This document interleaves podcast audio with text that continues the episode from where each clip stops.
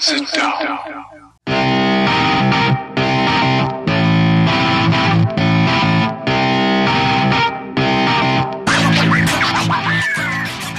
Witam wszystkich i każdego z osobna. Ja jestem Robert Kochan, a to jest Kochana NBA, najbardziej nieobiektywny podcast o najlepszej koszykarskiej lidze świata. To już 76. odcinek, a razem ze mną jak zwykle jest tutaj Wiaro. Siema Wiaro, co tam słychać u Ciebie w ten piątek? Siema Robert, cześć wszystkim. No, powiem Ci, że no, ostatnio wiadomo jaki mamy klimat wszemi wobec, więc piątek może bez jakiegoś wielkiego szaleństwa, ale staram się skupiać na tym, co koszykarskie. A tutaj akurat to chyba nie ma absolutnie na co narzekać. Można powiedzieć, że e, what a time to be alive, jeżeli chodzi o bycie fanem NBA w tym momencie. E, no, zaraz będziemy o tym wszystkim gadać, ale no, no co tu dużo ukrywać. No, liga w tym w najlepszym momencie od dawna, tak? Nie pamiętam, kiedy ostatnio była taka ekscytacja. No i rzeczywiście, co chwilę coś nowego, coś fajnego się w tej lidze dzieje. Jest coś, o czym warto rozmawiać i e, co naprawdę warto zauważyć. Nie? Bo ja myślałem, że my podczas tego odcinka spokojnie porozmawiamy sobie o tym, kto jest na serio, kto na niby, że rozszerzymy pulę drużyn, o których wstępnie planowaliśmy porozmawiać. No a tu się okazuje, że, że co chwila po prostu e, jakaś fajna rzecz w tym ostatnim tygodniu się e, zdarzała, no bo już nawet w kilka godzin po zakończeniu przez nas nagrywania, tak, czyli jeszcze e, w piątek, coach Pop, czyli Greg Popowicz, wspiął się na pierwsze miejsce wśród trenerów pod względem liczby wygranych meczów w historii, tak. Piątkowy wieczór w meczu przeciwko Utah wyprzedził Dona Nelsona, który miał 1335 zwycięstw na koncie, no i właśnie w tym momencie, teraz jak nas słyszycie, to ma 1337 e, wygranych.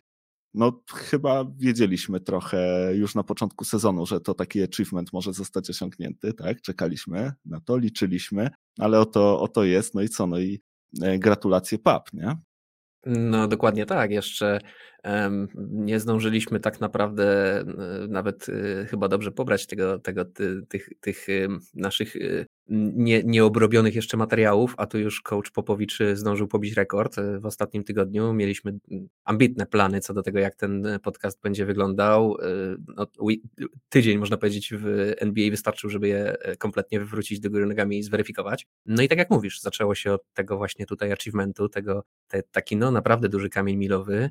To się nieczęsto zdarza, kiedy pobijane są rekordy wszechczasów. Naprawdę wielkopomna chwila, tak? To podobnie jak y, kolejny rekord gdzieś na horyzoncie, który, który widnieje, czyli ten e, rekord, który LeBron James y, pewnie za rok czy dwa pobije, jeżeli chodzi o ilość zdobytych punktów w ogóle w NBA, to też będzie wielkie wydarzenie. To myślę też jest całkiem spore. E, nie ma się tutaj co obrażać. Ja jestem, wiadomo, jestem sceptykiem, jeżeli chodzi o to, ile, ile coach w ogóle wnosi do drużyny. Nie jestem jakimś tutaj, e, nigdy nie byłem mm, osobą, która wielce by tutaj coachów wychwalała. Mm, natomiast no, nie zmienia to faktu, że niezwykle trudno jest e, osiągnąć taki poziom wygrywania, jakim może się pochwalić coach Popowicz. No i szczerze przyznam, zerknąłem sobie tutaj w statystyki, jak to wygląda. No oczywiście coach Popowicz bardzo długo trenuje. Mm, to tutaj na pewno też przekłada się na, te, na tę ilość wygranych meczy, ale przy tym trzeba przyznać, że ma bardzo wysoki współczynnik właśnie tych, tych meczy wygranych, bodaj prawie 67% e, swoich meczy wygrywa. To jest sporo, nie zawsze jednak w San Antonio były takie fantastyczne drużyny. Fakt faktem, że miał przez 20 lat prawie swojej kariery e, trenował Tima Duncana i to na pewno mm, bardzo mu pomogło w, w uzyskaniu tych e, no, niezwykłych sukcesów. Ale nie zmienia to faktu, że coach Popowicz e, jest e, bardzo, bardzo dobrym trenerem, jednym z najlepszych, jak nie w ogóle najlepszym trenerem wszechczasu. Tutaj się oczywiście możemy spierać. Natomiast powiem Ci szczerze, że mnie osobiście to cieszy, bo ja bardzo lubię e, Grega Popowicza jako, jako, jako faceta, tak? Jest fantastycznym człowiekiem, jest, jest gościem, którego słucha się no, no, z przyjemnością je, jego interakcji ze swoimi zawodnikami, z, z mediami, z prasą, z generalnie ze świadkiem NBA czysta przyjemność oglądać to. Bardzo, bardzo się cieszę, że, że mogę tego wszystkiego doświadczać. E, no i bardzo fajnie, że, że, że tacy ludzie w NBA są, można powiedzieć, żywa legenda, e, coach Popowicz.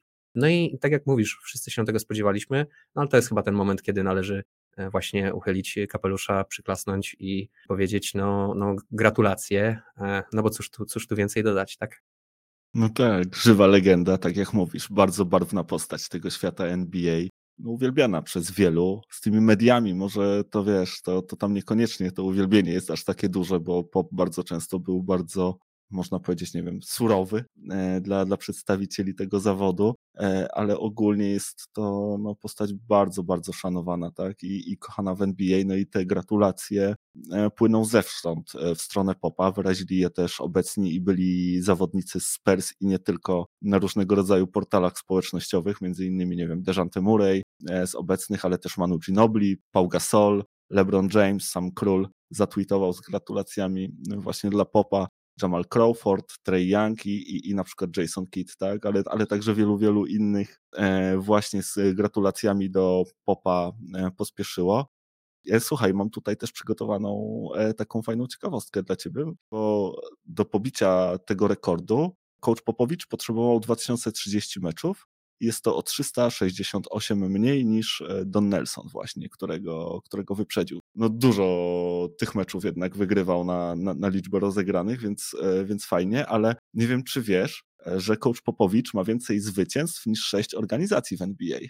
Mm, wiesz co, nie wiedziałem tego, ale nie dziwi mnie ten fakt, biorąc pod uwagę, jak, jak, jak, o jakiej ogromnej ilości meczów mówimy tutaj. Tak 1300 wygranych meczy to jest to jest naprawdę bardzo dużo. Wystarczy wziąć pod uwagę, że w sezonie zasadniczym są 82 mecze. Fakt, że to tutaj trzeba zaznaczyć, że nie mówimy tylko o sezonie zasadniczym, bo tutaj ten rekord to jest rekord y, łącznie wygranych meczy, tak, że tutaj playoffy też w to wchodzą, więc y, też na pewno to się przekłada.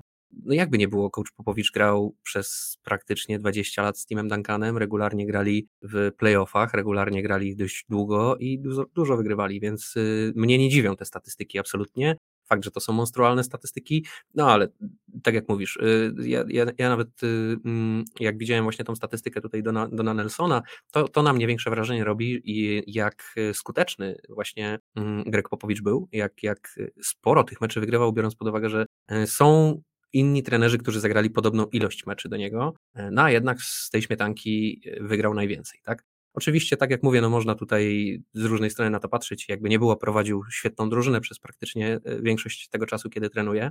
San Antonio, nie mam wiele wspomnień z, z czasów, kiedy San Antonio jest e, kiepską drużyną. Jakby nie było ostatnie sezony, no i czasy przed przybyciem Tima Duncana. Mm, a tak to raczej są, są, są drużyną, wiesz, regularnie się meldującą w playoffach, grającą o, o jakieś tam cele, więc e, no nie ma się tutaj co dziwić. Ale tak, ciekawe to jest e, na pewno, że, że więcej się nawygrywał niż e, kilka drużyn w NBA. Chcesz spróbować zgadnąć, jakie to drużyny? A, Sacramento? Nie wiem, kto tam jeszcze może być. Akurat Sacramento tutaj nie ma. O, to nie wiem, to może tak. jakieś młode drużyny pokroju Oklahomy, Toronto. Jest Toronto, tak. Jest e, tutaj Orlando, Charlotte, Minnesota, Toronto właśnie, Memphis i Nowy Orlean. Nowy Orlean ma mhm. najmniej 731 tylko. No, młode drużyny, czyli jednak sporo drużyn po prostu, które przyszły do, do ligi jako te expansion teams. No też no, nie ma się tak, co tak, dziwić. No. Kró, krócej, krócej grały jakby nie było, nie? A powiedz mi w takim razie, czy to twoim zdaniem ostatni sezon Popa? No, mam nadzieję, że nie nic z tego nie zapowiada. Nie wiem, mm, czy, czy tak po prostu miałby skończyć karierę. Jakby, no, no, ja tego na razie nie widzę. E, być może tak będzie, ale, e, ale dlaczego miałby to być jego ostatni sezon? Ja się obawiam, że tak już może być, że być może gdzieś pop e, utracił już swoją pasję i nie wiem, to rozstanie też teraz z kadrą USA, Zresztą on chyba od jakiegoś czasu już przebąkiwał e, o, tym, o tej możliwości zakończenia kariery, więc e, nie wiem, czy się ostatecznie nie zdecyduje, czy on właśnie troszkę nie chciał jeszcze przed końcem tej kariery osiągnąć tak, ten, ten rekord e, pod względem liczby wygranych. Mm, a tak naprawdę, no to tam nie zapowiada się, tam nie ma jakiejś super drużyny w San Antonio, nie? To jest raczej drużyna, która przechodzi przebudowę i nie wiem, czy, czy, czy trener Popowicz będzie po prostu chciał w tym uczestniczyć jeszcze przez kilka lat. Wiesz co, no z drugiej strony popatrz na to w ten sposób. Jeżeli pracujesz w jakimś zawodzie i kończysz te 60 parę, czy, czy, czy, czy dochodzisz do tego momentu, kiedy, kiedy większość twoich kolegów przechodzi na emeryturę, a w tobie się ta pasja wciąż nie wypaliła i mimo tego, że mógłbyś już w sumie dawno temu odejść, to wciąż jeszcze pozostajesz w tym wszystkim. Jak, jak dla mnie, to, to niech to robi dopóki tylko ma ochotę. Ja nie wiem, czy już ją stracił, biorąc pod uwagę, że on już dawno jest jakby po tym wieku emerytalnym, tak? To już, to już nie jest tak, że, że o, być może odejdzie, być może nie, to już tak od lat gadamy, nie?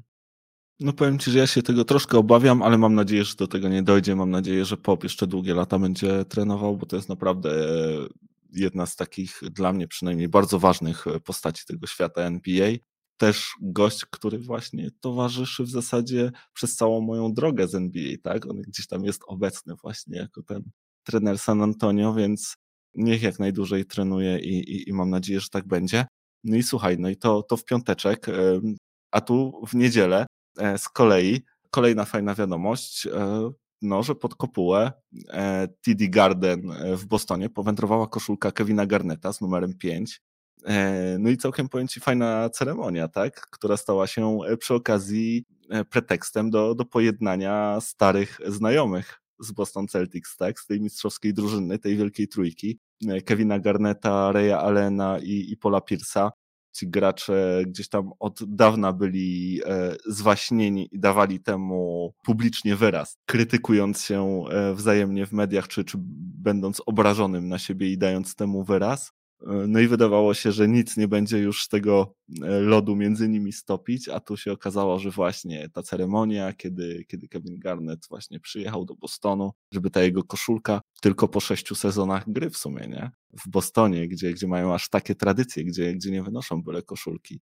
To pokazuje też, jakie Garnett piętno na tym e, zespole odcisnął na tej drużynie właśnie mistrzowskiej więc przyjechał tam, no i właśnie, no i w końcu stało się to, na co, na co wielu czekało.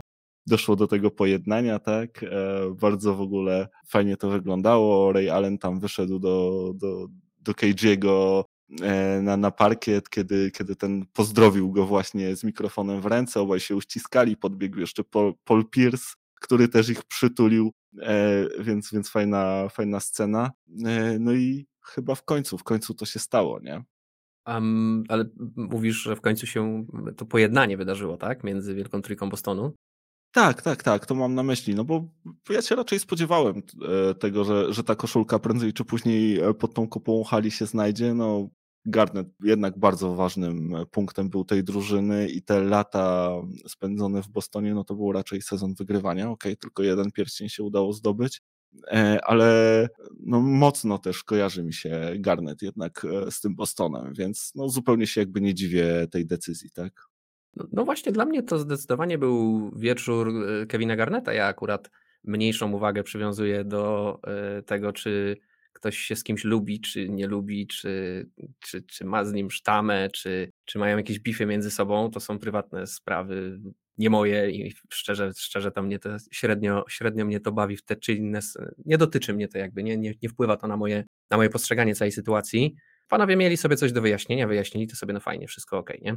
Natomiast, y, tak jak mówisz, no Kevin Garnett to jakby nie było, była, była ważna postać y, w Bostonie, bo mimo tego, że Boston to jest y, drużyna, która jest tutaj historycznie um, no, bardzo utytułowana, to większość tych świetlistych lat y, Bostonu to jest zamierzchła historia. Mm, większość tak naprawdę, ponad połowę tych wszystkich pierścieni, no to się nawygrywał jeszcze Bill Russell, gdzie to były lata 60., przełom lat 60., 70., także no mnie jeszcze na świecie nie było, jeszcze długo mnie nie było na świecie tak naprawdę. A, a, a z nowożytnej historii, no to mamy dopiero czasy Larego Berda, y, i, i, i tych świetnych drużyn Bostonu z, z Kevinem McHale'em, z, z to były fajne na pewno drużyny i tutaj, tutaj Boston ma, ma, ma znakomitą historię. No ale później jedyny tak naprawdę poważny sukces, który, który udało się tam odnieść, no to jest właśnie wielka trójka Kevin Garnett, y, Paul Pierce i Ray Allen. I to właśnie, właśnie ci panowie tutaj przyczynili się do tego, żeby można powiedzieć y, oddać trochę blasku Bostonowi, biorąc jeszcze pod uwagę, że to były czasy, kiedy e, no, ta rywalizacja, którą gdzieś zaszczepił e, Larry Bird i Magic Johnson jeszcze w latach 80., mm, gdzie, gdzie Lakersi z, z Bostonem, można powiedzieć, rywalizowali o mistrzostwa rok do roku, no to zmieniła się w dominację Lakersów, tak? Lakersi w, w latach 90., później 2000 no, no, stanowili o, o, potęgę, siłę, siłę tej ligi, to oni wygrywali mistrzowskie e, tytuły. Boston gdzieś e, kompletnie nie, nie potrafił nawiązać w ogóle do tej rywalizacji. No i dopiero właśnie ta wielka trójka, gdzie umówmy się, e, no Kevin Garnett był chyba, chyba takim najważniejszym ogniwem tej wielkiej trójki to on był tym, tym, tym, tym ogniem, tym paliwem, tym, tym e, zawodnikiem, który, który e, oprócz e, oczywiście ogromnego wkładu na boisku, bo tutaj nie można Kevinowi Garnetowi absolutnie odmówić tego, że, że, że był po prostu świetnym, świetnym graczem, to jeszcze był liderem, tak? Był, był, był absolutnie kimś, kto ciągnął ten zespół za sobą, gdzie można było faktycznie, na, można, można powiedzieć, że na jego plecach ta, ta drużyna jechała. Oczywiście mieli tam też e, innych liderów, tak? Bo, bo był też Doc Rivers, który, któremu też się bardzo dużo tutaj zasług przypisuje, a i Ray Allen i, i Paul Pierce pewnie też mieliby coś do powiedzenia na ten temat, jakby ich zapytać, kto tam był liderem. Mm, ale jakby nie było, no, no nikt Kevinowi Garnetowi na pewno nie odmówi, e, więc ja się nie dziwię, mimo że tak jak mówisz, tutaj nie była to może jakaś e, wielce długa kariera Kevina Garneta w, w Boston Celtics, to jednak zrobił to, po co go sprowadzono, przywrócił blask tej, tej drużynie. E, tam bardzo, bardzo kibice na to czekali i zresztą myślę, że teraz też czekają bardzo mocno na to, aż, aż wróci blask do Bostonu, ten mistrzowski. Mm, także ogromnie, dla, moim zdaniem, ważna postać dla tej historii Boston Celtics. Nie dziwi mnie to, że, że, że jego koszulka po, po, powędrowała właśnie tutaj pod dach e, Hali TD Garden, no bo to jest znakomita, jedna z takich znakomitych postaci Boston Celtics, historii tej, tej, tej drużyny. I to jest dla mnie jakby najważniejsza tutaj e, wydarzenie, najważniejsza historia związana z tym wszystkim. A to oczywiście, że panowie się pojednali, to wszystko fajnie. No, nie, nie, nie mówię, że nie, wolę, żeby ludzie żyli ze sobą w zgodzie, niż jakby się mieli kłócić, więc natomiast nie jest to dla mnie jakieś wielkie wydarzenie. Zdecydowanie większym było to, to e, wyniesienie koszulki Kevina Garneta pod e, kopułę. Nie no wiesz, oczywiście, że tak. Natomiast e, to, że, to, że ta koszulka tam trafi, no to, to jednak się tego spodziewaliśmy, nie? A ta sytuacja pojednania jednak była dla mnie zaskoczeniem, bo to się ciągnęło przez wiele lat i wydawało się, że było wiele pretekstów, tak? E, do tego, żeby, żeby w końcu do tego doszło. A jakoś tak e, ten upór e, w panach ciągle, ciągle trwał. Natomiast no rzeczywiście, wiesz, to, że ta koszulka w końcu pod tą kopułą się znalazła, jest ostatecznie e, najważniejszym wydarzeniem e, tego wieczoru. E, zwłaszcza, że, że mimo zaciętej końcówki Celtics przegrali ten mecz ostatecznie 92 do, do, do 95. No ale właśnie, KG był, był gwiazdą tego wieczoru. On gdzieś tam nawet po meczu wpadł jeszcze do szatni poprzybijać piątki z chłopakami z Celtics pogadał tam chwilkę z Tatumem, wyściskał się z Markusem Smartem, e, tam jakieś propsy wysłał e, w stronę Roberta Williamsa, więc mnóstwo dobrych słów tam wysłał w stronę chłopaków, poprzybijał z nimi piątki, KG też taką dobrą energię ze sobą wnosi, gdziekolwiek się tylko pojawi. Zresztą też ciekawostka podczas tej ceremonii właśnie całej, która odbywała się na parkiecie, kiedy ta koszulka właśnie wędrowała pod e, kopułę areny, KG miał e, przypinkę ukraińskiej flagi, więc też gdzieś tam wyraził e, swoje stanowisko e, w tej sprawie. No i kurde, no, KG to jest, to jest jednak mistrz, nie? To jest jednak gość. No, ja jestem, zawsze byłem wielkim fanem tego zawodnika. Swego czasu to, to, naprawdę jedna z najbardziej kultowych postaci w lidze, tak? Jak ktoś, ktoś pamięta dobrze te lata e, jego rywalizacji, nie wiem, właśnie Bostonu z, z Kobe Bryantem, czy później z LeBronem, to były, to były super fajne mecze, to się świetnie oglądało. No, dla mnie kultowy zawodnik, na pewno to jest też e, taki zawodnik moich czasów. Ja się naprawdę mocno gdzieś tą koszykówką wtedy interesowałem, śledziłem NBA. No i to była jedna z tych największych gwiazd tych lat 2000, nie? Więc no ja mam ogrom, ogrom sympatii do tego zawodnika. Bardzo się cieszę, że, że tak został potraktowany, ale tak jak mówisz, no wszyscy się raczej tego spodziewaliśmy. Mm, to jest, można powiedzieć, wszem i wobec bardzo szanowany gość. Raczej ciężko znaleźć jakichś hejterów y, Kevina Garneta, ciężko znaleźć jakichś, jakichś kibiców, którzy go nie, nie, nie szanują, czy nie lubią, czy z jakiegoś powodu, no nie wiem, hejtują tego zawodnika raczej wszemi wobec lubiany gość, może w inny sposób niż Steph Curry, nie, nie jest uważany właśnie za takiego super grzecznego, fajnego e, e, gościa, który, który wszystko mm, jeszcze ogładnie potrafi się wypowiadać i tak dalej. Kevin Garnett raczej wali prosto z mostu, raczej jest takim gościem, wiesz, no, pełnym energii i, i, tak jak mówisz, pozytywnej e, często, ale też takiego, takiego podejścia no nonsense, takiego raczej nie, nie, nie owijania w bawełnę bardzo fajny zawodnik, super fajnie, że, że, że mamy znowu okazję, mm, żeby przez chwilę chociaż powspominać i, i pocieszyć się jego karierą. I, no i tak jak mówisz, no, no, chwilę chociaż sobie pogadać o tym, jak, jak, jak fajnie było tego zawodnika oglądać na parkietach NBA. Nie? Pełna zgoda. E, no i słuchaj, takie fajne wydarzenie e, w niedzielę, a w poniedziałek w nocy, bam, rekord punktów w sezonie w całej lidze NBA. Kat 60 punktów rzuca z Persą. 19 z 31 z pola na 63%, 7 z 11 za 3, 60 punktów, 17 zbiórek. Mega mnie zaskoczył Kat e, tego wieczoru. On ostatnio się rzeczywiście popisuje fajną formą. E, no i powiem ci, że niesamowity mecz z jego strony, tak? Gość 50 punktów miał już na półtorej minuty przed końcem trzeciej kwarty. W samej trzeciej kwarcie zdobył 32 punkty, co to też jest w ogóle szalonym wynikiem brał wszystkich do szkoły, tak, tu trujeczki, tutaj jakieś turnaroundy. Niezwykły występ, a, a, a, całość jest jeszcze o tyle ciekawa, że, że wszystko to działo się niemal równo dwa lata e, od dnia, kiedy jego mama trafiła do szpitala, tak, z powodu COVID-19. E, ona, ona potem zmarła, więc to też taki bardzo trudny i ważny dzień dla Kata. No i też e, ten wieczór był dla Kata taki mocno emocjonalny, tak? Karl gdzieś tam nawet potem zatweetował, że, że on czuł anioła stróża swojej matki gdzieś tam w powietrzu, no i że on też e, dodawał mu e, siły, więc no niezwykły, niezwykły występ Kata i zaskoczył mnie tą sześćdziesiątką. No słuchaj, oczywiście biorąc pod uwagę, że nie mam absolutnie żadnych podstaw, żeby twierdzić, że nie miał jakiejś pomocy z zewnątrz, to jednak wydaje mi się, że to jest jednak po prostu kwestia tego, że jak siedzi, to siedzi, szczególnie jak jesteś shooterem, kat do takich należy. Jakby nie było, gościu umie rzucać, mimo tego, że jest wielkoludem, to naprawdę ma silky smooth jumper, no i co, co tu dużo gadać, no jak jesteś hot, a jesteś zawodnikiem tego pokroju i tego talentu i jeszcze jesteś takim wielkoludem, gdzie tak naprawdę San Antonio nie ma nawet chyba w składzie gościa, który, który mm, no, fizycznie mógłby poprzeszkadzać Katowi w, w, w robieniu tego, co, co Kat robił, no to co tu się dziwić dużo, tak? E, no trzeba przyznać, że naprawdę wybitny mecz w jego wykonaniu, rzadko się zdarza 60, aczkolwiek jak sobie pewnie zaraz o tym pogadamy, nie tak znowu super rzadko jak się okazuje, Pewnie parę, parę lat temu to 60 punktów robiłoby większe wrażenie niż w tym roku, e, no ale tak czy inaczej. Kat to jest e, zawodnik, który swego czasu e, razem z Antonem Davisem był uważany za przyszłość tutaj pozycji bigmana w lidze, właśnie taki stretch, stretch 4, stretch 5, zawodnik, który potrafi rzucić, zawodnik, który potrafi wejść pod kosz, zawodnik, który potrafi grać pod koszem, wielki, silny fizycznie, długi, dobry defensywnie, tak by się przynajmniej wydawało, tak, takie były reklamy,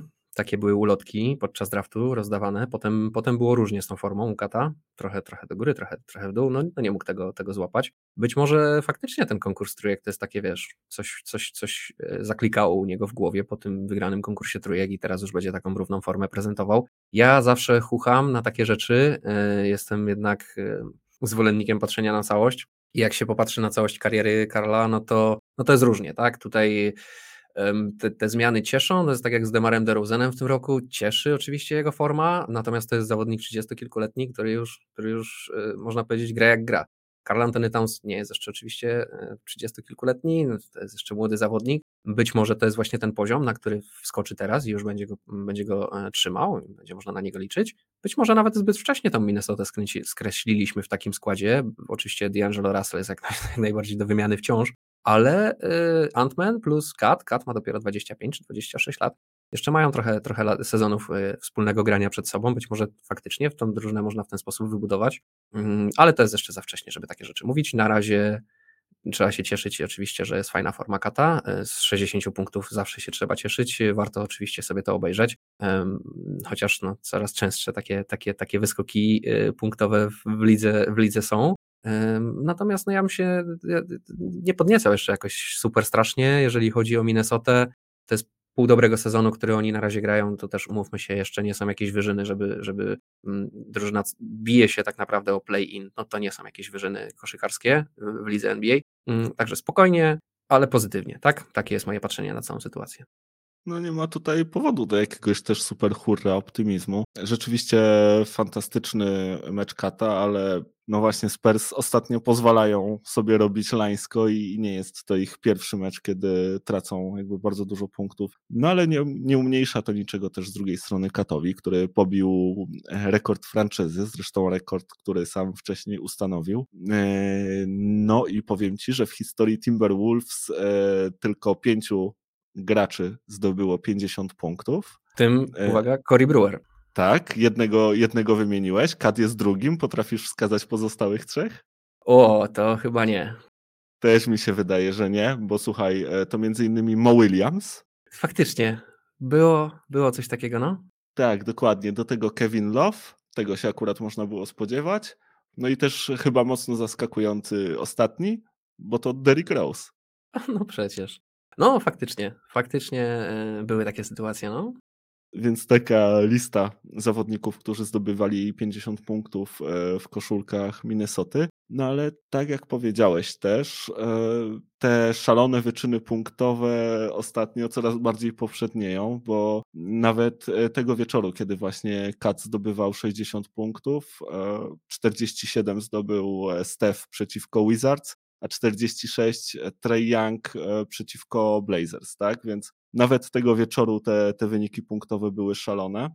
A już na następny dzień e, swoją sześćdziesiątkę dorzucił Kyrie Irving, tak? który zdmuchnął Orlando, czy też Orlano, bo to D tam chyba nie powinno się znaleźć, e, rzucając im też właśnie 60 e, punktów, 20 z 31 z pola. E, no i powiem ci, że tak back to back 60 punktów to się już w ogóle nie spodziewałem. No i właśnie e, pomyślałem sobie o tym, jak bardzo rozpieszczani jesteśmy przez, przez takie występy i zacząłem gdzieś się w związku z tym rozglądać. No i się okazuje, że jest ich bardzo, bardzo, bardzo dużo w tym sezonie. Nawet, nawet w tym miesiącu takich e, występów powyżej 50 punktów jest całkiem sporo, bo, bo tutaj jakby właśnie Kyrie przeciwko Orlando, Kat e, przeciwko Spurs, obaj po 60 punktów, ale 53 punkty Duranta, 50 punktów Lebrona e, dwa razy, Kyrie jeszcze raz dorzucił 50, Tatum 54, a wczoraj już totalne zaskoczenie również przeciwko Orlando, no bo przeciwko komu? Sadik Bay z Detroit Pistons rzucił 51 punktów, więc to powiem Ci, że nie do wiary, nie? To tylko jeden miesiąc z całego sezonu, a jak spojrzysz właśnie na, na te statystyki z całego sezonu, no to tych meczów jest, nie wiem, ze 20, z 20 kilka. No to ja ci nawet już powiem, bo tak się akurat okazuje, że mam tę listę przed sobą. Ja mam taką listę, na której jest 25 pozycji i ostatnia z tych pozycji e, to jest Trey Young rzucający 46 punktów. W samych meczach, gdzie było 50 punktów lub więcej, jest w tym sezonie 17 już w tym momencie zagranych Gdyby do tego dorzucić Lukę Doncicia z 49 i Nikolaj Jokicia z 49, Bookera i Edwardsa z 48, no to ci się robi 20 meczy, w których ktoś rzucił 50 punktów albo więcej. Mm, to są jakieś jaja. Ja nie mogę uwierzyć w to, co się dzieje w tym sezonie. Byłem ostro zaskoczony całą tą sytuacją. Też y, podobnie jak ty właśnie y, ostatnio zwróciłem uwagę na to, że kurde, no coś mamy dużo tych 50-punktowych gier w przeciągu tygodnia, tak? E, no i tak sobie myślę, że w tym roku to już będzie chyba szósty czy siódmy taki występ, siedemnasty. E, no strasznie ta liga e, poleciała w, w, w, stronę ofensywy. Nie wiem, co się podziało z defensywami w tym momencie. Nie wiem, jak to jest, że regularnie się pozwala jednemu zawodnikowi na zdobywanie prawie 50 punktów w meczu. Nie wiem też, czy to jest dobre dla NBA. Nie wiem, czy ja się zgadzam z tym, w którą stronę to idzie. Oczywiście bardzo lubię oglądać tą nowoczesną koszykówkę, bardzo mi się to podoba. Nie jestem wcale zwolennikiem E, tego, żebyśmy wrócili do czasów, kiedy, e, kiedy były młódzki pod koszem i, i wyniki po 76 do 78. To nie, nie, nie w tą stronę, moim zdaniem, ale nie wiem, czy jestem gotowy i, i, i chętny aż na takie zmiany ofensywne. W zeszłym roku już się śmialiśmy w naszych podcastach, że jak się popatrzy na najlepsze sezony ofensywne w historii w ogóle NBA, to mamy tam chyba 6 czy 7 pozycji z, z tego sezonu. E, w tym momencie podobna, podobna sytuacja, jeżeli chodzi o zawodników. Tak? No, ja nie pamiętam, kiedy był ostatnio sezon, w którym 17 zawodników zdobyło 50 punktów albo więcej w którymś meczu. No to jest naprawdę szaleństwo, jeżeli chodzi o ofensywę. Ja rozumiem, że mamy też fantastyczne armaty w tym momencie w, w lidze. Mamy zawodników, którzy naprawdę ofensywnie potrafią cuda czynić, no ale wciąż, no, no to przecież to jest chyba też jakaś tam sprawa honoru dla drużyny przeciwnej, żeby ci jeden gość nie rzucił 50 punktów, tak? No przecież naprawdę nie ma, nie, nie, da się z tym nic zrobić. Nie wiem, ja jestem, jestem troszkę zaniepokojony tym, w którą stronę e, ta liga nasza zmierza. No nie chciałbym oglądać czegoś takiego, że, że naprawdę ta defensywa będzie sztucznie trzymana w ryzach i, i, i ze względu na to, jak są zasady poukładane, no to nie będzie po prostu można grać ostrego, ostrego defensu, bo to nie tędy droga moim zdaniem. Ja lubię oglądać zacięte mecze, lubię oglądać zaciętą koszykówkę, lubię oglądać, e, jak przeciwnicy, e, jak, Boże, jak zawodnicy ze sobą w pewien sposób walczą na boisku. E, oczywiście nie do przesady, no lubię też oglądać tą całą finezję. Musimy gdzieś jak chyba jakiś złoty środek tego wszystkiego znaleźć. No nie ma, nie ma za bardzo defensywy. NBA na defensywę za bardzo nie stawia, jednak dużo lepiej sprzedaje się ta widowiskowa gra, tak? I NBA pewnie zaciera ręce, widząc te właśnie wszystkie wyczyny, licząc gdzieś tam zyski marketingowe płynące z tego, no bo to jednak gracze tworzą tę ligę, więc jeżeli gracze tworzą gdzieś tam swoje własne legendy takimi wysokimi zdobyczami punktowymi, no to pewnie NBA zaciera ręce. Ja jestem bardziej po twojej stronie, ja też bardziej gdzieś tam cenię jednak tę, tę grę defensywną. Nawet, nawet lubię czasami takie mecze, które bardzo mało są widowiskowe, a, a są niezwykle zacięte, tak? I gdzie właśnie jest dużo tej defensywy granej. No ale myślę, że, że będziemy rozczarowani tylko przyszłością i tym, co się będzie działo. Myślę, że to jest raczej trend niż dead end i raczej NBA będzie stawiało na, na rozwijanie ciągle tej ofensywy i że będziemy widzieć rzeczy właśnie takie historyczne, których, których nie widzieliśmy wcześniej. A drugą kwestią jest e, to, że jednak no, gra się mocno też zmieniła, tak? Ta rewolucja, jeżeli chodzi o rzucanie za trzy, pozwala na zdobywanie dużo większej ilości punktów niż, nawet przy tej samej ilości rzutów, niż mieli gracze jeszcze, jeszcze nie wiem, parę czy paręnaście lat temu, tak? Gdzie całe drużyny oddawały tyle rzutów za trzy, co, co po prostu niektórzy zawodnicy dzisiaj się nawet śmialiśmy, patrząc na właśnie któryś z 50-punktowych meczów Stefa, że tam 19 razy rzucał za trzy, tak? Z czego trafił tak, bodajże no. 11, 9 tak? albo 11. Czy 9. No, takiego. No, więc, więc ta liczba oddawanych e, rzutów za 3 przez, przez pojedynczych zawodników jest ogromna. Jak ktoś po prostu jeszcze czuje się tego dnia wyjątkowo dobrze i te obręcze są dla niego dwa razy szersze, tak? A przynajmniej tak mu się wydaje, e, no to, no to wpada to jak szalone. No, wystarczy popatrzeć na wczorajszy występ Sadika Beja. Okej, okay, gościa, którego uważam za, e, za bardzo utalentowanego i takiego, w którym widzę jakby duży potencjał. Natomiast no nie spodziewałem się, że, że gość po prostu wrzuci 51 punktów i będzie miotał po prostu z każdego, z każdego miejsca zaraz za linią za trzy, jeszcze wiesz, gdzieś tam na, na, na stepbackach. Nie spodziewałem się, że, że aż tyle punktów zdoła mu się zdobyć, no ale z drugiej strony grał przeciwko Orlando, tak, więc Orlando rywalizuje troszkę o coś innego, tak? Oni rywalizują o Cheta Holmgrena z pierwszym numerem w drafcie. No tak, no masz dużo racji. Słuchaj, no weźmy też pod uwagę to, że może z drugiej strony, patrząc na trochę bawiąc się adwokata diabła, 50 e, punktów w lidze to też czasem nie jest, ja wiem, że to jest wielki wyczyn, ale to czasem o niczym nie świadczy, bo ja pamiętam jak Andre Miller w Denver Nuggets zdobył 50 punktów w meczu, pamiętam jak Cory Brewer właśnie w Minnesocie zdobył 50 punktów w meczu, przypadki się zdarzają, tak? To są czasem takie sytuacje, że komuś po prostu siedzi i, i, i, i, i tak to się kończy, ale to były naprawdę przypadki, to się zdarzało raz, raz, raz za czas, no, no, no nieczęsto na, na pewno takie sytuacje miały, miały miejsce. Ciężko mi zwalić to na taki przypadek w momencie, kiedy patrzę na listę, gdzie jest 25 y, występów tegorocznych, gdzie najgorszy z nich to jest 46 punktów. E, także no coś ewidentnie się w tej lidze zmieniło, pomijając rzeczywiście e, to, jak, jak ofensywnie utalentowani są dzisiaj zawodnicy mm, i jak, jak wszechstronny mają wachlarz umiejętności, e, no to jednak liga moim zdaniem troszeczkę przesadza w tym promowaniu tej ofensywy. Ja jednak mam nadzieję, że, że nie dojdzie do tego, o czym mówisz, że będzie że jednak będzie jakiś nawrót do tych, do tych wartości defensywnych i do tej koszykówki takiej zawziętej. Natomiast tak e, szybciutko, bo zaczęliśmy w sumie od Kyriego Irvinga, a dosłownie dwa zdania o, nim zamieniliśmy, mm, no bo jednak fantastyczny mecz Kyrie zagrał, 60 punktów, biorąc pod uwagę, że to tylko 34 chyba, czy 35 minut zagrał. E, w każdym razie, no jeszcze w czwartej kwarcie miał dużo grania, gdzie, już nie wszedł tak naprawdę na boisko. Mogło się to skończyć nawet, nawet 70 punktami, biorąc pod uwagę, jak e, Kyrie był hot w tym meczu. Kyrie to jest wybitny artysta, jeżeli chodzi o koszykówkę. Ja to też powtarzałem nieraz dużo mam do niego pretensji i, i często z mojego gadania o Kairim można wywnioskować, że no nie mam wiele szacunku e, do jego gry. E, wręcz przeciwnie, samą jego koszykówkę, same jego umiejętności koszykarskie uwielbiam. U, uważam, że jest no naprawdę wybitnym artystą, jeżeli chodzi o koszykówkę.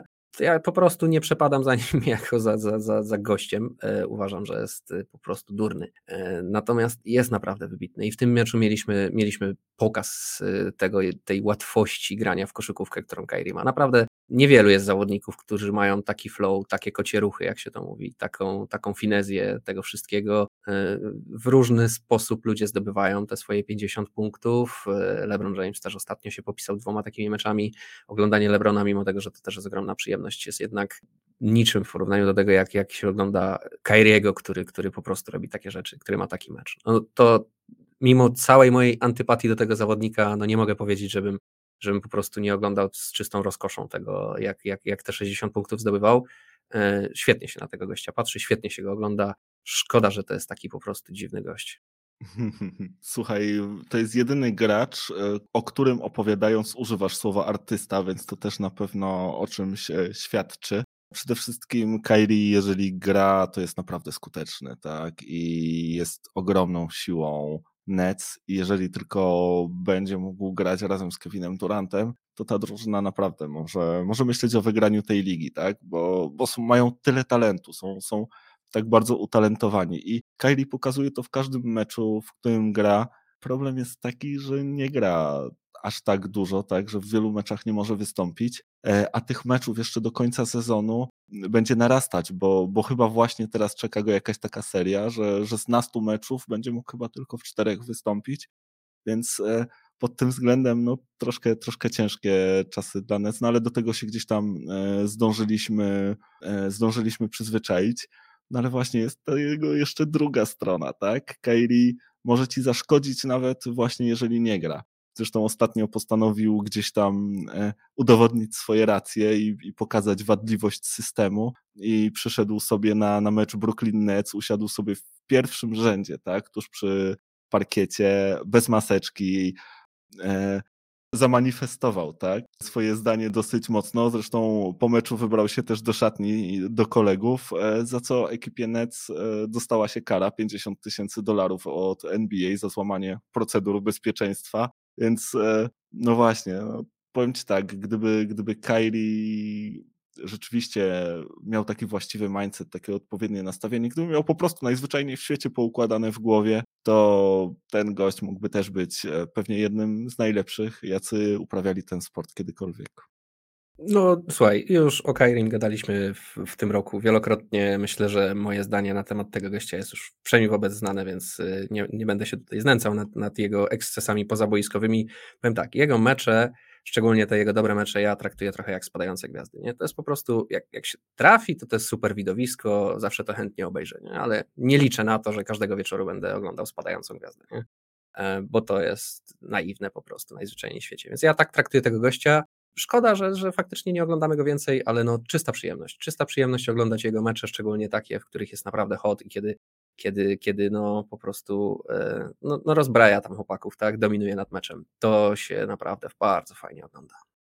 No, a propos spadających gwiazd, to, to mieliśmy też e, złe wieści w tym tygodniu, e, bo w środowym meczu przeciwko Celtics kontuzji lewej nogi nabawił się Steph Curry któremu podczas walki o piłkę w nogi wjechał właśnie e, Marcus Smart. No i e, chociaż e, gdzieś tam prześwietlenie nie pokazało, żeby doszło do jakiejś poważniejszej kontuzji, to i tak prawdopodobnie w sezonie regularnym Stefa Kerego już nie zobaczymy. No i to może oznaczać e, drobne kłopoty dla Warriors. Mogą się tam osunąć pewnie kilka miejsc. Podejrzewam, że nie poniżej piątego, ale, ale jednak te kilka miejsc e, mogą spaść. E, natomiast e, podczas właśnie samego meczu, zaraz e, po tym zagraniu Markusa Smarta, gdzieś tam spore pretensje były w jego stronę kierowane. Zresztą po, po meczu też była dyskusja, czy to nie było takie złośliwe, wstrętne, brudne zagranie. Na pewno już właśnie w trakcie meczu pretensje do Smarta miał Steve Kerr. No ale właśnie, wszyscy obawiali się, że to może być najgorsze, tak? Wszyscy znamy tę historię Karego z kontuzjami ale okazało się, że, że aż tak źle nie będzie. Czeka go na pewno trochę przerwy, ale na playoffy powinien wrócić, więc no myślę, że, że jak tylko wróci, to, to tutaj Warriors nie będą mieć kłopotów i są właśnie ciągle jednym z kandydatów do, do, do wygrania zachodu.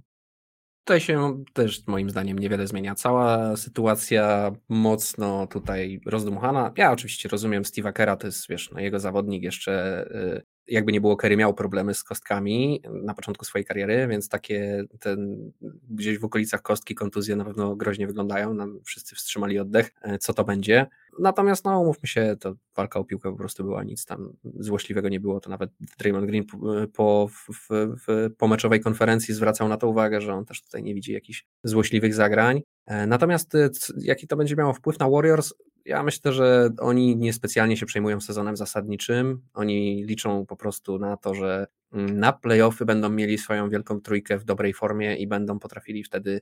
No i wtedy tak naprawdę szansa na wygranie zachodu jest, tak? Mm, zachód jest y, może nie wide open, ale naj, najgroźniejszą drużyną tym momencie na zachodzie jest Phoenix, gdzie tutaj można myśleć o pokonaniu Phoenix. Oczywiście nie mówię, że będą jakimś wielkim faworytem albo kimś w ten deseń, ale na pewno jak się je, z perspektywy drużyny Warriors czy z perspektywy kibiców drużyny Warriors, to na pewno można liczyć na to, że no jak tam jest ta, jak, jak Steph plus Draymond plus, plus Clay e, plus e, cała reszta tych chłopaków, e, nie wiem, Andrzej Gadala czy, czy ci e, młodzi chłopacy zagrają dobre zawody, no to mogą grać każdego tak naprawdę. To jest mistrzowska drużyna, jakby nie było, nie? E, także nic się tu chyba wiele nie zmienia. Wciąż pozostają te pytajniki na zasadzie, czy będą zdrowi, czy będą w formie, ale czy będą, czy oni wystartują te playoffy z trzeciego miejsca, czy z piątego miejsca, to myślę, że tutaj niewielkie znaczenie ma. Tak czy inaczej w playoffach trzeba trzeba po prostu złapać zdrowie i formę, e, no bo inaczej to, to, to się nawet pierwszej rundy nie przejdzie w tym momencie.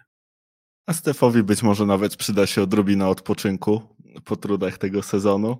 Odpocznie sobie w sam raz na playoffy, wróci i, i, będą tutaj się próbować e, razem z ekipą rozprawić z innymi. Tak czy siak mam, mam nadzieję, że, że właśnie wszystko z tą jego nogą będzie w porządku i uda mu się wrócić jeszcze w tym, w tym sezonie. No bo bez niego jednak to, to po ptokach, tak? Jeżeli o Warriors chodzi. No ale dobra, słuchaj, e, przejdźmy sobie do, do tego, co gdzieś tam już wcześniej zapowiadaliśmy, do naszej zabawy na serio na niby. Pogadamy sobie dzisiaj o dwóch drużynach, no i właśnie zastanowimy się, czy, czy wyrazimy nasze zdanie na temat tego, czy, czy te drużyny są rzeczywiście na serio, jeżeli chodzi o, o swoje szanse, e, czy, czy o zagrożenie, jakie stanowią, czy jednak właśnie są pretenderami, są, są na niby. I tutaj na warsztat chciałbym wziąć drużynę, o której już gdzieś tam troszkę napomknęliśmy przy okazji właśnie Kevina Garneta, czyli Boston Celtics. Drużynę, która aktualnie znajduje się na czwartym miejscu we wschodniej konferencji z bilansem 42-28, mm, ale mają tylko dwie gry straty do, do drugiej Filadelfii, więc e, niewykluczone, że w przypadku dobrej gry będą w stanie wspiąć się jeszcze gdzieś tam na wyższe miejsca w tabeli. E, zwłaszcza, że grają ostatnio naprawdę bardzo dobrze, bo są 8-2 w ostatnich 10 meczach i aż 21 z ostatnich 25 udało im się wygrać, więc e, naprawdę są e, w gazie. No i powiedz mi, czy Twoim zdaniem są na serio, czy, czy raczej na niby? No to musimy sprecyzować, jak, jak wysoko stawiamy poprzeczkę dla tego, dla tego zespołu. A jak wysoko ty ją stawiasz? Mm, no ja myślę, że druga runda to jest maks, co, co Boston może w tym roku osiągnąć. Nie wydaje mi się, żeby. Znaczy, inaczej, każdy zespół w tym momencie, e, który, który łapie się do playoffów, jest jednym z tych, z tych powiedzmy top 6 zespołów, zawsze ma szansę, niewielką, bo niewielką, ale ma szansę na to, żeby w ogóle wygrać mistrza, tak? Oczywiście Boston też ma szansę, tak jak i Miami, tak samo jak, jak Philadelphia, jak Nets, jak, jak Milwaukee, to są zespoły, którym, którym szansę daje, ale e, jednym większe, drugie mniejsze. No i mm, zastanawiam się po prostu przede wszystkim nad matchupami i jak to będzie wyglądało, mm, jeżeli będzie, jeżeli przyjdzie grać tutaj z czołówką wschodu e, zespołowi Boston. No i ja nie mam wielkiego zaufania, że, że przejdą Filadelfię. Ja nie mam wielkiego zaufania, że to jest, może się to wydarzyć, ale no, nie obstawiałbym tego. A już nie mówiąc o tym, żeby pokonać Milwaukee Bucks, tak? Też nie wiem, czy bym obstawiał e, Boston w pojedynku z e, Nets, no bo jakby nie było, każda z tych drużyn ma lepszego zawodnika niż Boston, tak? Najlepszym zawodnikiem na parkiecie, jeżeli będzie, będą grali z Milwaukee, będzie Janis. Najlepszym zawodnikiem na parkiecie, jak będą grali z Filadelfią, będzie Embiid. A najlepszym zawodnikiem na parkiecie, jak będą grali z Nets, będzie Kevin Durant. No pytanie, czy będą mieli drugiego najlepszego zawodnika na parkiecie. No, jeżeli będą grali z Milwaukee, no to jest szansa, że Jason Tatum będzie najlepszym drugim zawodnikiem.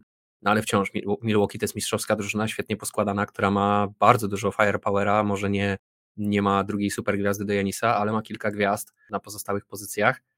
No więc raczej tutaj będzie najciężej, tak? No jeżeli chodzi znowu o matchup z Filadelfią, no to kto wie, czy James Harden nie będzie drugim najlepszym zawodnikiem. Ja akurat do Jamesa Hardena nie mam wiele zaufania, jeżeli chodzi o playoffy, więc jest szansa, że, że Tatum będzie drugim najlepszym zawodnikiem na boisku, no ale wciąż to nie mam tutaj przekonania do, do, do, do tych matchupów, tak? Wszędzie zawsze jest, jest zagrożenie, że e, każda z tych naprawdę drużyn może mieć dwóch zawodników, którzy będą lepiej grali niż to duo z Bostonu. Wciąż Jason Tatum i, i Jalen Brown niewiele mi udowodnili i no i cóż tu dużo powiedzieć, no są dobrą drużyną. Dobra drużyna to jest jeszcze, to jest jeszcze za mało, żeby, żeby liczyć na poważne wygrywanie moim zdaniem.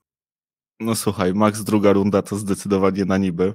E, wydaje mi się, że, że na serio to takie drużyny, które mogą choćby gdzieś tam marzyć o, o tym, żeby dojść do finałów, e, a żeby tego dokonać, to trzeba mieć jakieś szanse w finałach konferencji pewnie. E, I ja powiem Ci szczerze, że tutaj miałem spory dylemat, jeżeli chodzi o Boston Celtics, bo jednak oni grają tak elitarną obronę w tym sezonie, tak?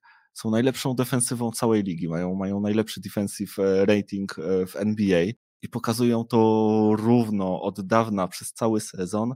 No dobrze wiemy, jak bardzo ta gra defensywna przekłada się na playoffy, jak drużyny, które potrafią grać defensywę, świetnie sobie w tych playoffach radzą.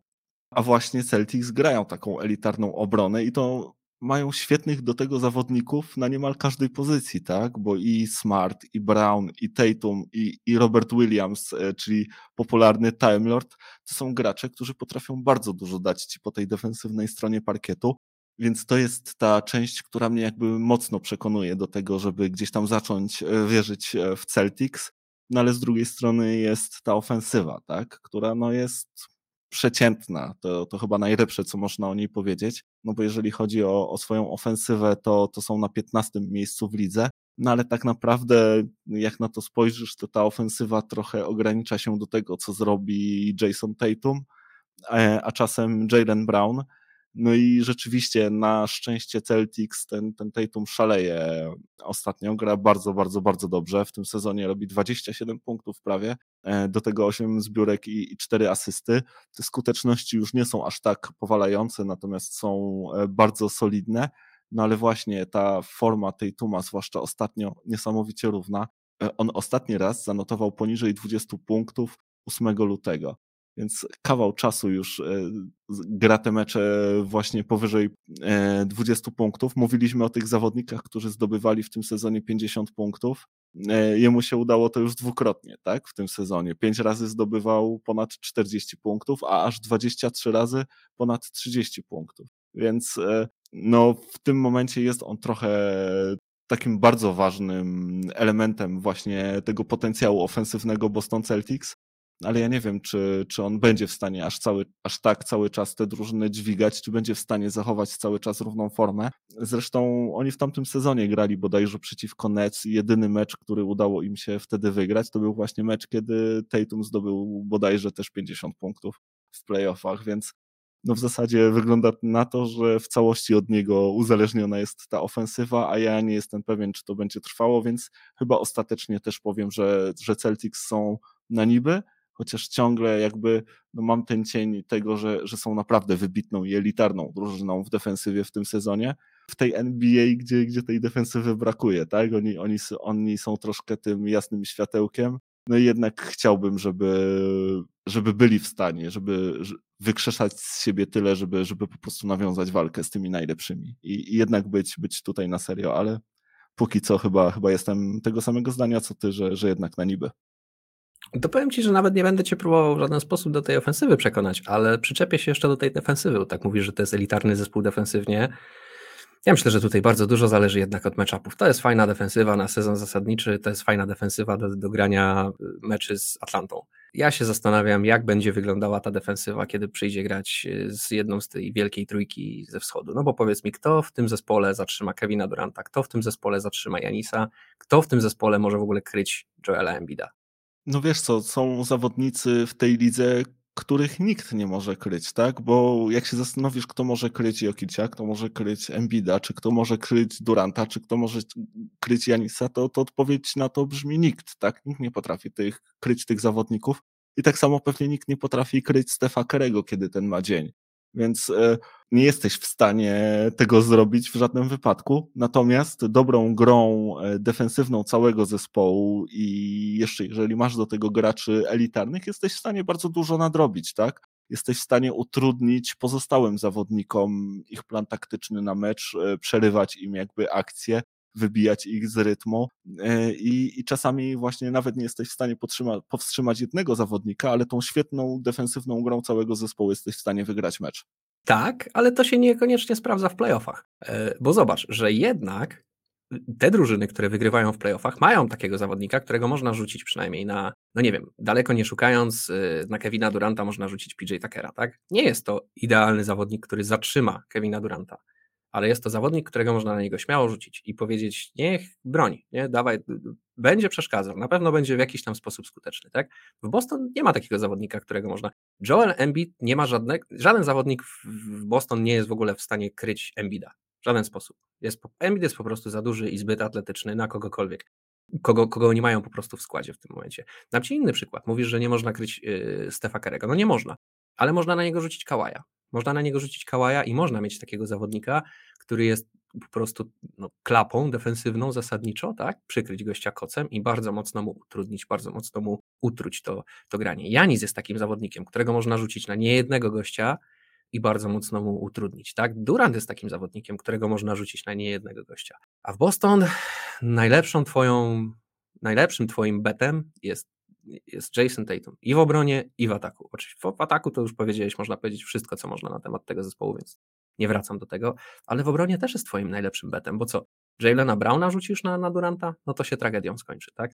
Time Lorda rzucisz na Embida, to się tragedią skończy. To, to, to nie, tego się nie da w ten sposób kryć. A oczywiście można, tak jak mówisz, kryć całą resztę zawodników, tylko, że w playoffach większość ofensywy będzie przechodziła przez gwiazdy drużyny przeciwnej, a nie przez tych zawodników pobocznych. Jednak w playoffach nie wygrywa się piękną y, zespołową koszykówką, no chyba, że się ma naszpikowany gwiazdami Golden State Warriors, tylko wygrywa się przez te gwiazdy, tak? Przez, te, przez to, że gra się na tych swoich najlepszych zawodników i ich nie jesteś w stanie powstrzymać. Masz kilka akcji, które po prostu działa zawsze a, a ty masz kogoś, kto jest w stanie poprzeszkadzać zawodnikowi, najlepszym zawodnikom drużyny przeciwnej. Dlatego nie, dla mnie Boston jest na niby, mimo tego, że oczywiście y, grają super defensywę, tylko że to jest taka defensywa sezonu zasadniczego. No, super taka, jak mówisz, wszechstronna, którą można rzucić na właśnie takie drużyny, y, jak nie wiem, nawet Golden State, Mm, i, i, i można ostro poprzeszkadzać, bo tam każdy z tych zawodników jest dobrym obrońcą. Nikt nie jest elitarnym obrońcą, ale każdy jest dobrym obrońcą. Mają fajne schematy do tego, więc to działa. Natomiast w tych meczapach z Wielką Trójką ze Wschodu ja tego nie widzę. Ja po prostu nie zawierzam, że ta defensywa zatrzyma którykolwiek z tych zespołów. No jednak w NBA e, top offense zawsze pokona top defense, tak? Ofensywa ma, ma przewagę nad defensywą, zwłaszcza w tych czasach, w jakich żyjemy, gdzie ta swoboda ruchu jest bardzo poważnie traktowana przez e, sędziów, więc zawodnicy defensywni mają bardzo utrudnione zadanie. Zobaczymy, jak to będzie. No ja naprawdę uważam, że, że tam w Boston mają bardzo dużo wysokiej klasy obrońców. E, wiadomo, niektórych e, zawodników nie powstrzymasz, jesteś w stanie utrudnić im życie. Wydaje mi się, że Jason Tatum jest zawodnikiem, który potrafi utrudnić życie. Wydaje mi się, że Marcus Smart jest zawodnikiem, który bardzo potrafi utrudnić życie. E, swoimi flopami jest nawet w stanie oj, uprzykrzyć to, to tak, to, to zdecydowanie.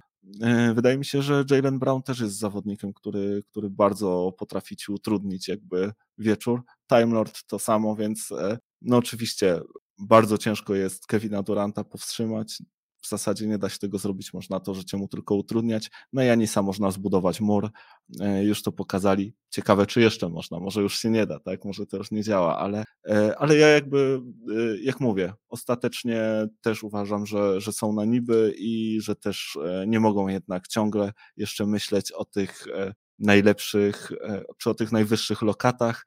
Jak mówi ich motto, może za rok tak? Bo to chyba powinno być e, motto drużyny, tak, Boston Celtics. No zobaczymy. Dużo, dużo szczęścia. No to słuchaj, może jeszcze szybko tylko e, na koniec o, o drugiej drużynie, o której chcieliśmy porozmawiać. O takiej troszkę drużynie w podobnej sytuacji, no bo, bo jednak ten bilans i, i zajmowane miejsce podobne. Mowa tutaj o Dallas Mavericks, którzy zajmują właśnie piąte miejsce na zachodzie, 43 wygrane, 26 porażek. E, dokładnie tyle samo na co, co Utah, które, które póki co ma nad nimi e, tiebreakera. Nie wiem, nie badałem tej sytuacji, czy, czy tak będzie do końca. Możliwe, że już tak. E, w każdym razie Dallas też mocno w gazie, też wygrali 8 z ostatnich 10 meczów. W tym momencie mają 3 wygrane pod rząd. No i właśnie, jestem ciekaw Twojego zdania. Czy z kolei Dallas jest tutaj na serio, czy, czy też są na niby? Mm, no, Dallas jest moim zdaniem na serio, ale też przede wszystkim dlatego, jak wygląda Zachód, tak? Nie uważam, że to drużyna Dallas jest wiele lepszą drużyną od y, Boston. Nie uważam, że nie wiem, no mają lukę, to jest, taka jest różnica, tak? To jest luka plus no, no, zasadniczo banda koszulek, a po drugiej stronie masz Boston Celtics, czyli Jason Tatum i, i naprawdę tacy, takie gwiazdy klasy B, tak? Jason Tatum to jest taki powiedzmy A minus, nie? E, chociaż no, bardzo fajnie się ten zawodnik rozwija i pokazuje w tym sezonie. Tak czy inaczej, e, zupełnie jakby inne, inne podejście do, do, do, do koszykówki i do tego, jak, jak chcą wygrywać. Natomiast przede wszystkim mm, nie, nie tyle tutaj podejście ma wielkie znaczenie, co to, jak wygląda Zachód w tym momencie. Tak? E, najgroźniejszym przeciwnikiem na Zachodzie mm, jest Phoenix. Myślę, że tutaj można się śmiało zgodzić, że to jest faworyt w tym momencie do, do, do wygrania zachodu. Natomiast nie jest to e, faworyt nie do pokonania. Tak? Każda drużyna ma szansę tak naprawdę z tej, z tej e, pierwszej szóstki, tak jak już rozmawialiśmy o tym. Dallas też, jak najbardziej. No, i mają lukę. No to powiesz mi, że, że e, taki scenariusz, w którym Luka zdobywa po 40 punktów w meczu i cała reszta roleplayerów Dallas gra na naprawdę wysokim poziomie i to wystarcza, żeby pokonać Phoenix, że to jest scenariusz, który się nie spełni? No bo ja, ja, ja bym tego nie obstawił. to może tak być, jak najbardziej ja to widzę, że jeżeli Luka zagra fantastyczne zawody i zagra takie playoffy, jak, jak, jakie on ma w zwyczaju grywać, e, no niewiele mu brakło, żeby, żeby Clippersów ograć, e, można powiedzieć sam, w, w pojedynkę, sam, sam praktycznie. E, myślę, że śmiało można tutaj mówić i, i, i o tym, że mógłby ograć Phoenix, nie mówiąc o każdej innej drużynie, no myślę, że tutaj śmiało, śmiało mógłby ograć Denver, y, śmiało y, mógłby ograć Utah, śmiało mogliby ograć Golden State czy Memphis. Nie ma w tym momencie jasnych faworytów dla mnie na, na zachodzie. Tak jak mówię, najtrudniejszy przeciwnik Phoenix Suns, y, przeciwnik do ogrania, na pewno nie łatwo, na pewno nie tak po prostu, że w, w, w takim składzie i z takim graniem jak, jak Dallas teraz prezentuje, to można myśleć o takim wygrywaniu, ale jeżeli Dallas wespnie się naprawdę na, na szczyty swoich możliwości, Luka zagra fantastyczne zawody, to jak najbardziej widzę ich w finale konferencji i, i widzę ich w finałach wygrywających yy, Zachód. W finałach już będzie pewnie ciężko, e, jakby nie było. Na, na, na wschodzie są mocne drużyny, a przede wszystkim Milwaukee myślę, że tutaj będzie przed, e, głównym faworytem do, do tytułu w tym roku. E, ale tak, no, szanse im daje jak najbardziej, dlatego moim zdaniem są na serio. No to widzisz, to ja się z tobą nie zgodzę. Ja uważam, że oni są w niemalże identycznej sytuacji jak, jak Celtics i tutaj też bardzo się nad nimi zastanawiałem. Zresztą jest bardzo dużo podobieństw między tymi drużynami. No i rzeczywiście, tak jak wspomniałeś, Luka gra fantastyczny ten sezon i tak jak Tatum stanowi o sile Celtics, tak właśnie Luka stanowi o tym, o tym ofensywnym potencjale e, Mavericks.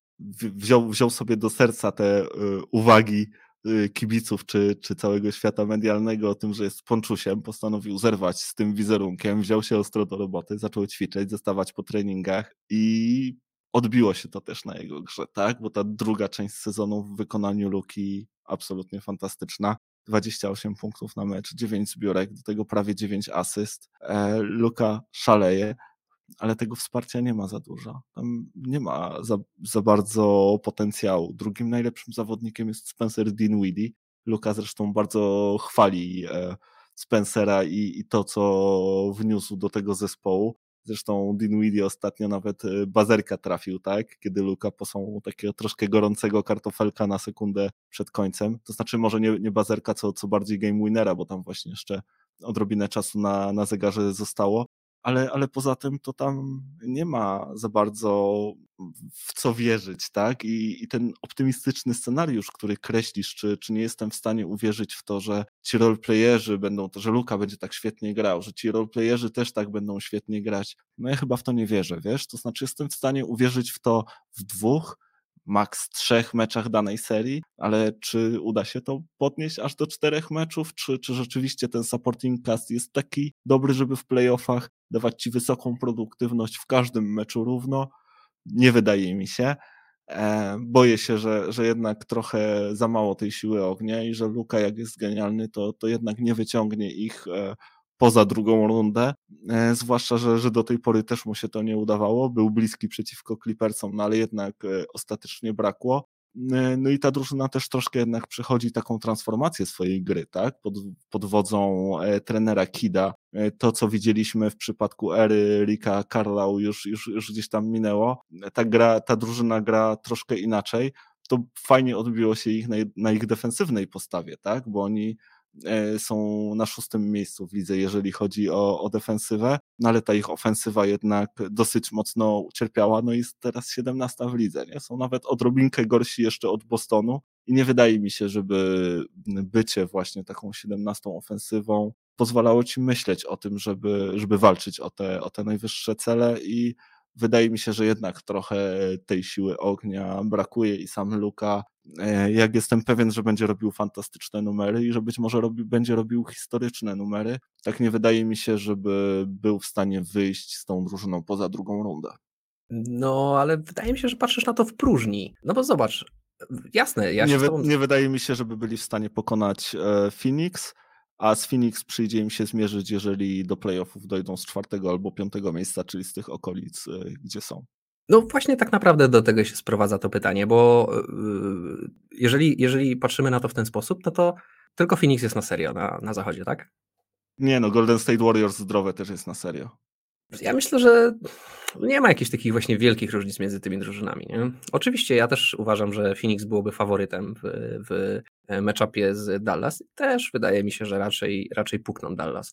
Ale to jest jednak luka, a, a, a Phoenix to tylko Phoenix, jakby nie było. Nie? Wydaje mi się, że podobna sytuacja, jakby ja się w 100% z Tobą zgadzam, że to jest bardzo podobny zespół do tego, co prezentuje Boston. Ale ja uważam, że jakby Boston grał na zachodzie i mógłby liczyć na to, że jego naj, najtrudniejszą drogą do finałów e, jest Phoenix Suns, to jak najbardziej widzę tutaj szansę, e, nawet większe oczywiście niż, niż e, Dallas, bo akurat Boston jest tak poskładaną drużyną, która miałaby, myślę, całkiem, całkiem realne szanse z, z Phoenix, bo też mają dużo dobrych zawodników i też mają super gwiazdę, którą myślę śmiało można porównać do, do Bookera, jest myślę ten, ten, ten sam kaliber zawodników.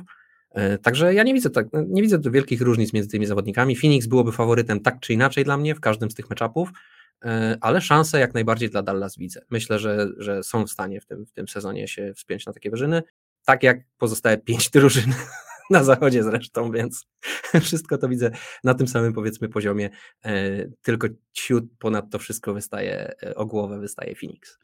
Czyli myślisz, że to będzie właśnie jednak sezon Luki, tak? Że on e, przejdzie tą pierwszą rundę playoffów? No i co? No i to, i to oznacza, że Utah znowu w pierwszej rundzie by odpadali, jeżeli to tak zostanie, jak jest teraz? A, a obstawisz, że nie?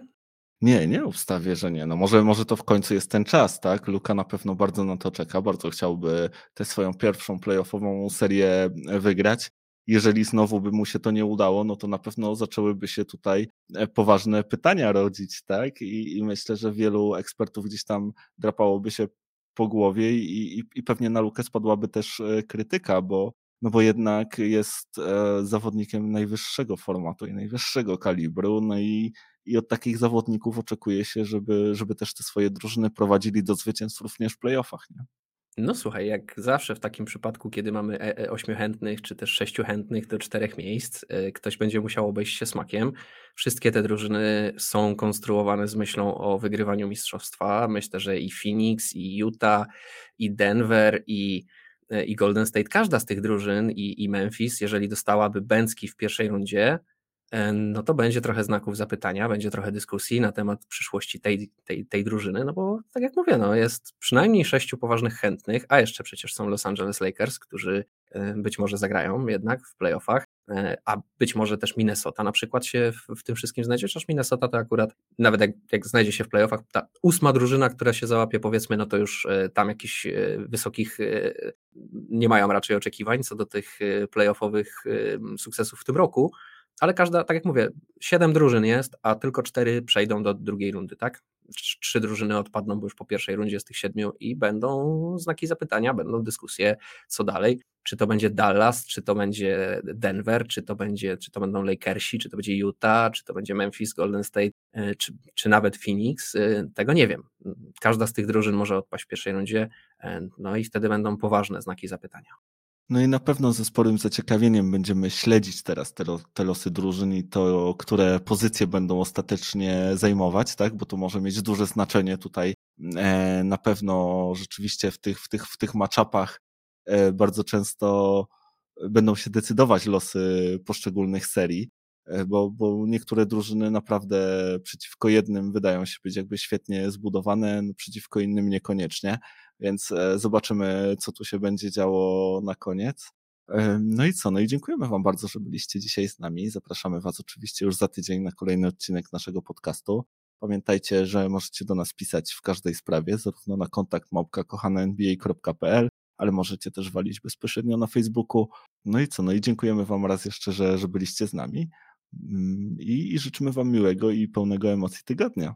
No, dokładnie tak. Nic dodać, nic ująć. Trzymajcie się cieplutko. Do usłyszenia za tydzień. Cześć. Trzymajcie się, hej.